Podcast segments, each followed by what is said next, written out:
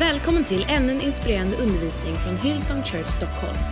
Vi hoppas att den ska hjälpa dig att lära känna Gud och all den potential som han har lagt inom dig. Du vet väl att du alltid är välkommen till våra söndagsmöten? För mer information om Hillsong Church Stockholm, våra möten och för att komma i kontakt med oss, besök gärna vår hemsida, www.hillsong.se.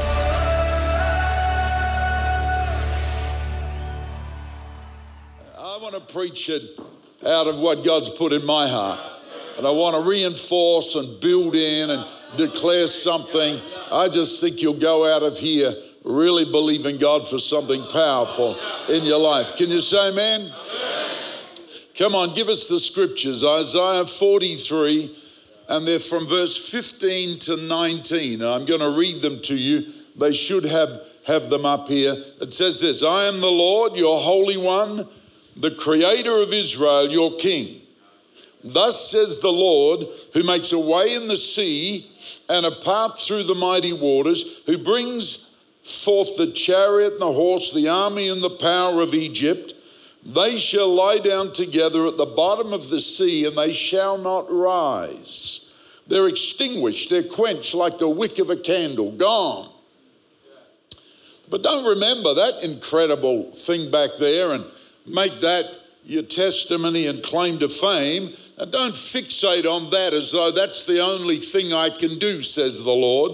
Behold, the the word behold means stand in awe and be amazed. Behold, I'll do another new thing. now it's beginning to spring forth, but will you recognize it and get on board? Do you want to be a part of it? I'll make, I will even make a road in the wilderness and rivers in the desert. This is an incredible passage of scripture, and we need to put it into context. The people of Israel are in captivity over here in Babylon. The Assyrians have taken them captive. They've been in captivity for 70 years. The prophet Isaiah is writing the book of Isaiah to Israel and Judah, the two kingdoms, saying, You're going to go into captivity, you've been backslidden, and you're going to be there for 70 years. God will tell you how long, but then God's going to do a most phenomenal thing. He's going to do another breakout miracle, and you can come out of captivity, etc. And he talks about, he says, Don't you remember the former thing I did? And that is 750 years earlier. Over here, when the children of Israel were taken into captivity into Egypt. And 750 years before that one that Isaiah's talking about, it talks about how I broke open Egypt, I brought you out, I gave you a highway to freedom, and I destroyed the army and the power thereof at the bottom of the Red Sea. Don't forget. And so, uh, but he says, but I'm going to do something new again over here. And so in this passage, there are five God declarations that you need to get out of it so that you understand. The first God declaration is God saying to Israel, I got this. I've got it. I'm in control. I'm able to do it. Israel, stop praying dead prayers. I told you you'd be there 70 years. At the end of 70 years, I'd show up and fulfill my promise, and I got it. I tell you, there's a, some Christians, not in this church, but in churches that I do visit, that are too busy talking about what the world and the devil and Islam and the gays and the governments and the politicians and the economy as though that controls our life. And God's coming to the church again now and saying, Hey, I got this. I'm well able. Not only that, I'm right on time. Right now is a brilliant time to believe God for a miracle. Why would God show up now on planet Earth? What makes this year so special? Last September in Israel, and they do it every every uh, seven sevens of 49, every 49 years, seven sevens. At the end of the 49th year and the beginning of the 50, 50th year in Israel, they blow trumpets to start a whole lot of feasts and stuff, and they declare what they call the year of Jubilee. Last September in 2015, in Israel, they blew the trumpets because it was in their history and their calendar a God ordained year of Jubilee for 12 months. We're in one right now, a year of Jubilee. What happens, and if you go right through the Bible, you'll find that most of the deliverances and interventions of God happened in a year of Jubilee. The captives go free, all debts are paid and restored, and inheritance, an inheritance is restored to its rightful owner in the year of Jubilee. So if you don't think this is a good time to pray great prayers, I don't know what planet you're on. I got this. It's a year of Jubilee. I'm right on time. Second God declaration, I got this. Then number two, I've done it before. I've done it before. How many of you know God's done some amazing things in history? And he's telling Israel, here you are in 70 years of captivity, but don't forget, I've done this before. I'm able to do impossible things. And then he said four things that he did way back here in Egypt. The first one was, I changed Pharaoh's mind. I love that. This, this guy that's been out in the desert looking after sheep for 40 years comes back, and the Pharaoh that he knew as a boy or the kid has now grown up and become the Pharaoh. So Moses walks in and he says, uh, the, the, the Pharaoh says, Where you been, Moses?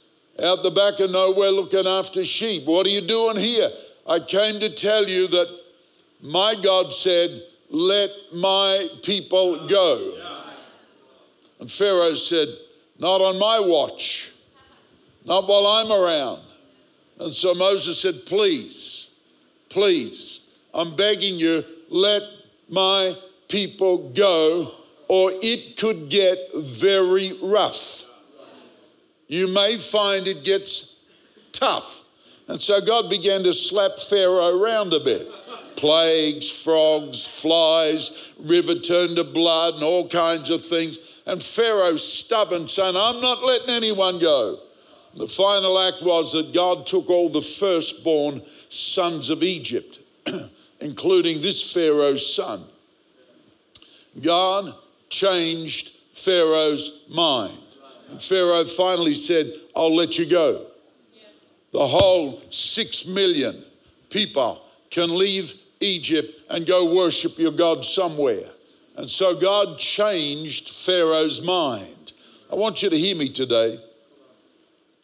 There are people in your world that have been resistant to your faith, maybe even blocking the things that you want and believe God to do in your life.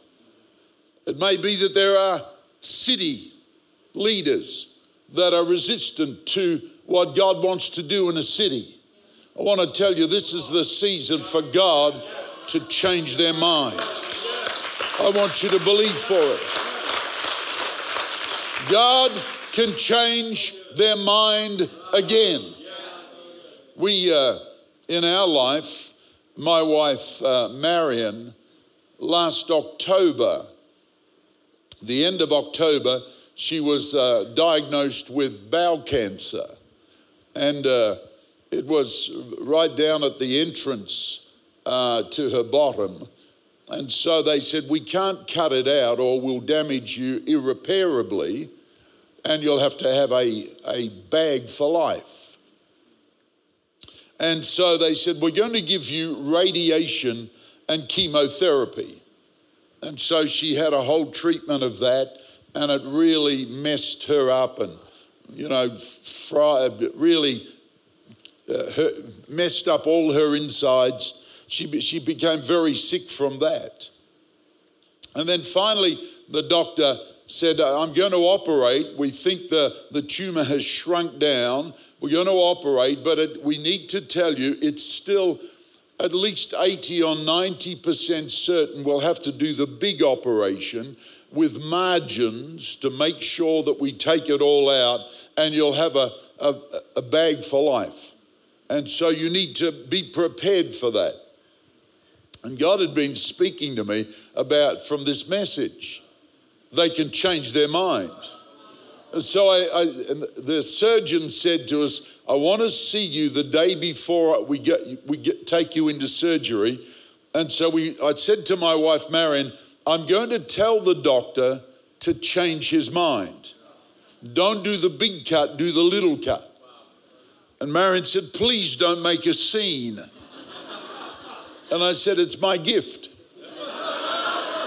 Anyway, and so we went in there the day before, and uh, the doctor started to tell us the procedure. And he said, Look, uh, we, we, we won't know until we cut you open and go inside, but you need to be prepared. It's at least, we're almost certain we'll have to do the big cut because it was a very aggressive cancer in a very difficult spot. And so I said, Excuse me, John, never call a professional by their title. Otherwise, they think they're smart. And so to this, and he's a wonderful surgeon. I said, Excuse me, John, uh, I want you to change your mind. I want you to only do the small cut. He said, I can't do that. I've already told you. We have to have margins. And uh, I couldn't do that without doing more tests. And I said, Oh, thank you for doing more tests. and so he said, What? And I said, The tests, what more tests are you going to do? So he took my wife out and did some more tests and, you know, checked her. He came back in and he said, Well, and he stuttered a bit. And I said, What is it, John? And he said, Well, I've changed my mind. I'm only going to do the small cut. Listen to me. God can change anybody's mind. There are people in your world that you've been praying for that have been resistant. God, change their mind. There's a young man trying to attract a young lady, and she keeps saying no. God, change her mind. I don't know about that, but anyway, uh, about a month ago, I was in New Zealand doing a 10 day tour, 10 day tour of New Zealand from the bottom to the top. And uh, Marion, my wife, rang me and said, Oh, the chemo people have just contacted me. She's uh, had the operation, she's got a temporary bag just for a few months. And she said, The chemo people have just rung and said, We, we want to do more chemo seeing that uh, we've only done the small cut, the surgeon, we want to hit you with more chemo uh, so that we can mop it up and make sure that we get all the cancer. And I said to Marion, go in and see them and tell them to change their mind. She said, I can't do that. I said, I'll ring them. And she said, No, please. And I said, Well, I'll talk to the one who can. And so she, she went in and, and met the chemo person. And the next night, I was going out the door to go to a, a meeting, and she rang me. And she was almost yelling, They've changed their mind. They're not doing chemo. They said it's all good. I said, Well, what did you expect?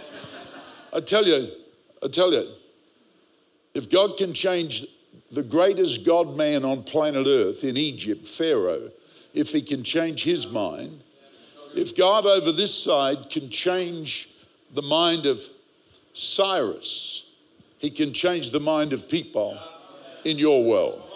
I want you to believe for something to turn by God's power and release things. People that are withholding, people that, whatever, God can change their mind. Can you say amen? Number, uh, whatever it is. Number, I'll choose which number. This is my message, not yours. Number six. All right, number, number three, God says, I got this. I've done it before. I can do it again. Number three, I will do it again. The greatest move of God on planet Earth is now happening. You need to understand that. The world has never, ever seen as many people being born again, saved, saying yes to Jesus than the world is seeing right now. It's the most phenomenal thing. Churches like this are springing up all over the planet. I can do it again. I'll do a new thing. I'll change their mind again. I love this. And so we come over 750 years later, we're over here in Babylon, and all the people of God are here, and they're in captivity, and God says, I can do it again. I can change their mind again. And so, so over here, the, the king over Babylon, I think, is Nebuchadnezzar. And he's a complete idiot. He would rather die than change his mind. And so, God, Nebuchadnezzar's not going to change his mind and let the people go. And so, God goes over here to the Persians and he says to Cyrus and the Persian nation, You go and slap Babylon around, beat them up, the Assyrians. So the Persians come across and they destroy Babylon they knock the Assyrians out of the water and take over. And now the poor people of God, they're, they're under Cyrus and the Persians. But God can change the mind of Cyrus. Hey, listen, be careful what you say about the Middle East. God's rearranging things according to his plan. He's changing nations' minds. Whoever thought Russia would buy in to the Middle East to protect the Christians? Whoever thought China would send elite troops to work with Russia to bring down the bad guys? Oh, sure, they want to protect oil and other things, but God is engineering things for a phenomenal end time display of his power. You just watch God at work in the Middle East. And so he changed their mind again. I can do it again. When he says, I did it before, I can do it again, I can change their mind. I can pr- provide a highway to freedom, a road to freedom. I can provide a river of fullness of blessing, provision for you. And I can destroy the enemy's power and anyone that stands against you. I can do it. I've done it there. I can do it again. The fourth thing. Number four, I think they've got these up there, haven't they? God, uh, look at this. You guys are brilliant. Here's God Declaration 4. Will you recognize it when I start to do it again? Are you looking for it? Uh, another new thing. It's not the same template as before. I want to do something brand new. I'm going to do it again. Are you ready for it? I want every person in this church out at North Where's the camera? There it is, North. How I love you, how I love you, my dear Northern. They are brilliant people out there, full of faith. What a miracle that building is, and the campuses, and the people are. It's incredible. I've done it before, I can do it again. Do it again in the city. Do it again in the city. Why can't God do it again? If he did it out north, he can do it for you. He can do it again. Provide an incredible opportunity. Have you got this? That's number four. Have you got it? You're sitting on the edge of your seat in life. You're on tippy toe looking for God's new thing. Do you get up every morning saying, God, I'm looking for a new thing? How can you look for a brand new thing when you don't know what it looks like? How do you know what to look for if you've never seen it before? God, I'm looking for a new thing. And God said, Don't, don't, don't think that's a template back there. I'm going to do something brand new. Well, what do I look for if it's a brand new thing and I've never seen it? God declaration number five. I'll give you a clue. I love this. God knows how dumb we are. He says, I'll give you a clue. I'll help you know what to look for. And up here it says, I'll give you a clue. I will create new roads and new rivers, a new road to freedom and a new river of fullness. That's what you have to look for. New road to freedom and a new river to fullness. Now, this is, this is a challenge for every one of us because we like to walk on predictable paths. We'll step up just a little bit, but same path. And I think God is challenging His church, you and me, to step up onto a brand new road of faith and power and blessing and to drink from a whole new river of fullness of supply like never before. Do you know, when the children of Israel came out of Egypt, I don't know if I can explain this, but uh, the, topog- the geography here's Egypt, here's the promised land over here, but God didn't want to take them straight across because there were too many bad guys. And so he took them down along the wilderness, alongside the Red Sea, right down the bottom, and the sea's all around like this, and mountains are there, desert there, and sea there. So they're coming down as fast as they can to get away from Egypt. A lot of people live their Christian life like that, just fleeing the devil, trying to stay ahead of everything the devil does. And God says, No, no, that's not the way I want you to live. And so they come down the bottom of this peninsula and they go around the bottom and they come up the other side, and the mountains that have been on one side close into the sea. They can't go anywhere. They've come around the bottom, hit, and the mountains meet the sea at a place called Etham. God says to them, I want you to turn around and go back and camp on the seashore between Etham and a place on the corner of the mountains called Migdol. I want you to camp in the middle on the seashore. Etham means no way forward. Migdol is a lookout on top of the mountains, and all they can see behind them is Egypt's armies. No way back. No way forward, no way back. And God said, Now camp on the sea and, and face toward your future. Now, the Red Sea, at the point where God told them to camp, is 18 miles across. That's further than your horizon. How many of you know most of the, the promises of God are beyond our natural ability to see them? They're outside our horizon. And so God said, Camp on the seashore. There's Etham there, no way forward. Egypt's coming, no way back. And out in the middle of the sea, there's an island. And on the island is a Baal, a temple of Baal worship. It's called Baal Zephon. And it's the god of storm and tempest. No way forward, no way back, and no way through. And then God says, Now I've got you in the right place to provide a new road for you. You see, sometimes God sets us up you may be looking at things and saying, No way forward, no way back, no way across. God, I don't know what's happening. God says, Take what's in your hand and hold it up and point it toward the promise of a better day.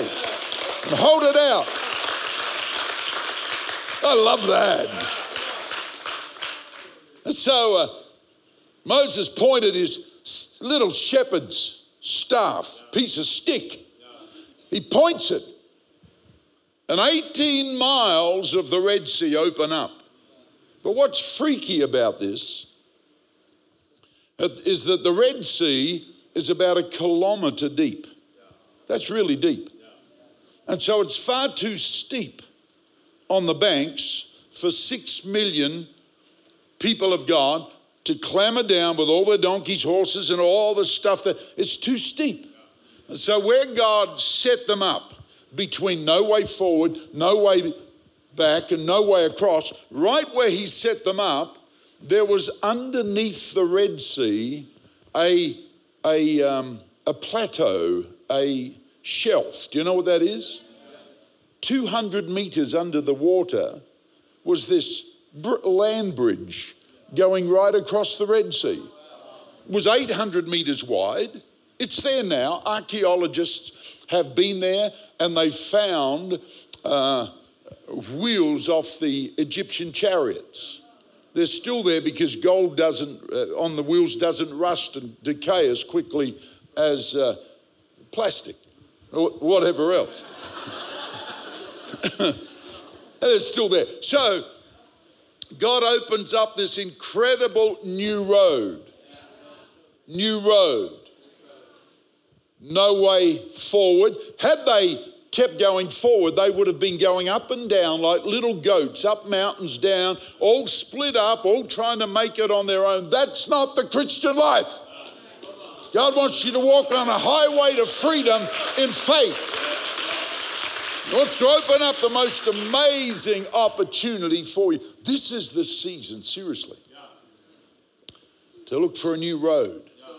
It may be something you've never done before in your business or in your family or in, in, in how you serve God. But it won't be something that just you stir up and, you know, go a little bit faster or try a bit harder. This will be a God road, a highway to freedom that takes you into a whole new level of grace and favor. new roads, I'll give you a clue. I'm going to create a new road for you. And where there's a new road, there's a new river of divine supply. You watch wherever there's a major river flowing, they put a big freeway alongside it. Roads and rivers go together. And so here's God creating this new road to your destiny. And He says, if you'll get on that new road, alongside it will be a river of divine supply. You think back here in Egypt, one day the Israelites are begging the Egyptians for more straw to make bricks. For the Egyptians, please give us more straw so we can make some bricks. The next day, God says, New roads and new rivers. I'm going to do a new thing. Go in and ask the Egyptians for anything you want. The next day. Can, the Bible says, Can God not save a nation in a day. I want you to hear me. God is changing things, the atmosphere, He's changing the environment, He's rearranging nations, and He's telling the church, go ask them for it. I'll change their mind. You'll come out more blessed than you could ever imagine. Someone's going to pay for that dream because I dare to put it in your heart. And so the next day they go in and say, Excuse me, please, uh, Master Egyptian, but God told us to come and ask you for some of your bling. Uh, uh, we'd like that, that flat screen TV. My husband wants the Harley. and I noticed you wearing that red dress when you went to the Egyptian ball and walked like an Egyptian. In fact, I'll take the whole, I'll take the whole wardrobe. And here they come. They step up onto this new road, this highway to freedom toward their destiny in a day, loaded up to the hilt. Whoa. If anyone had told us this yesterday, it would be like we were dreaming. Do you hear what I'm saying? Don't you dare for a moment think that God can't do the most phenomenal things in this season beyond what you've ever seen before. and he says, I'm going to do another new thing. And so he's over here in this 70 years captivity. God didn't say to them, go and borrow off all your, uh, your, your overlords. He didn't say that. He talked to Cyrus, the king. And so they went in and said to Cyrus, We want to return to our land and to make rebuild the house of God and make it glorious and restore the land to prosperity. And Cyrus said, He's the king. their captive, captor, he says to them, I'll pay for everything. I'll give you wood, I'll give you silver, I'll give you gold, I'll give you everything you need to make the house of God glorious. And when you build it, I'll supply all of the animals for all of your sacrifice. I'm going to pay the bill. I can do it again. I can do it again. What I want today to happen here in, at North, I want faith to enter your heart. I will do another new thing, God says. It's breaking out on planet Earth. It's my job to go declare it, blow the trumpet, and say, God's doing another new thing. It's not the same template, but it's the same outcome. I'm going to change their mind. I'm going to give you a highway to freedom. I'm going to uh, create a river of divine supply so that you can see things happen in your life beyond anything you've imagined possible to this point. And I'll destroy anyone that stands in your way. Come on, stand up with me this morning. Tack för att du har lyssnat. Om du vill veta mer om Hillsong och mer om vem Gud är, kontakta oss gärna. Eller gå in på www.hillsong.se. Och kom ihåg, du är alltid välkommen till våra gudstjänster.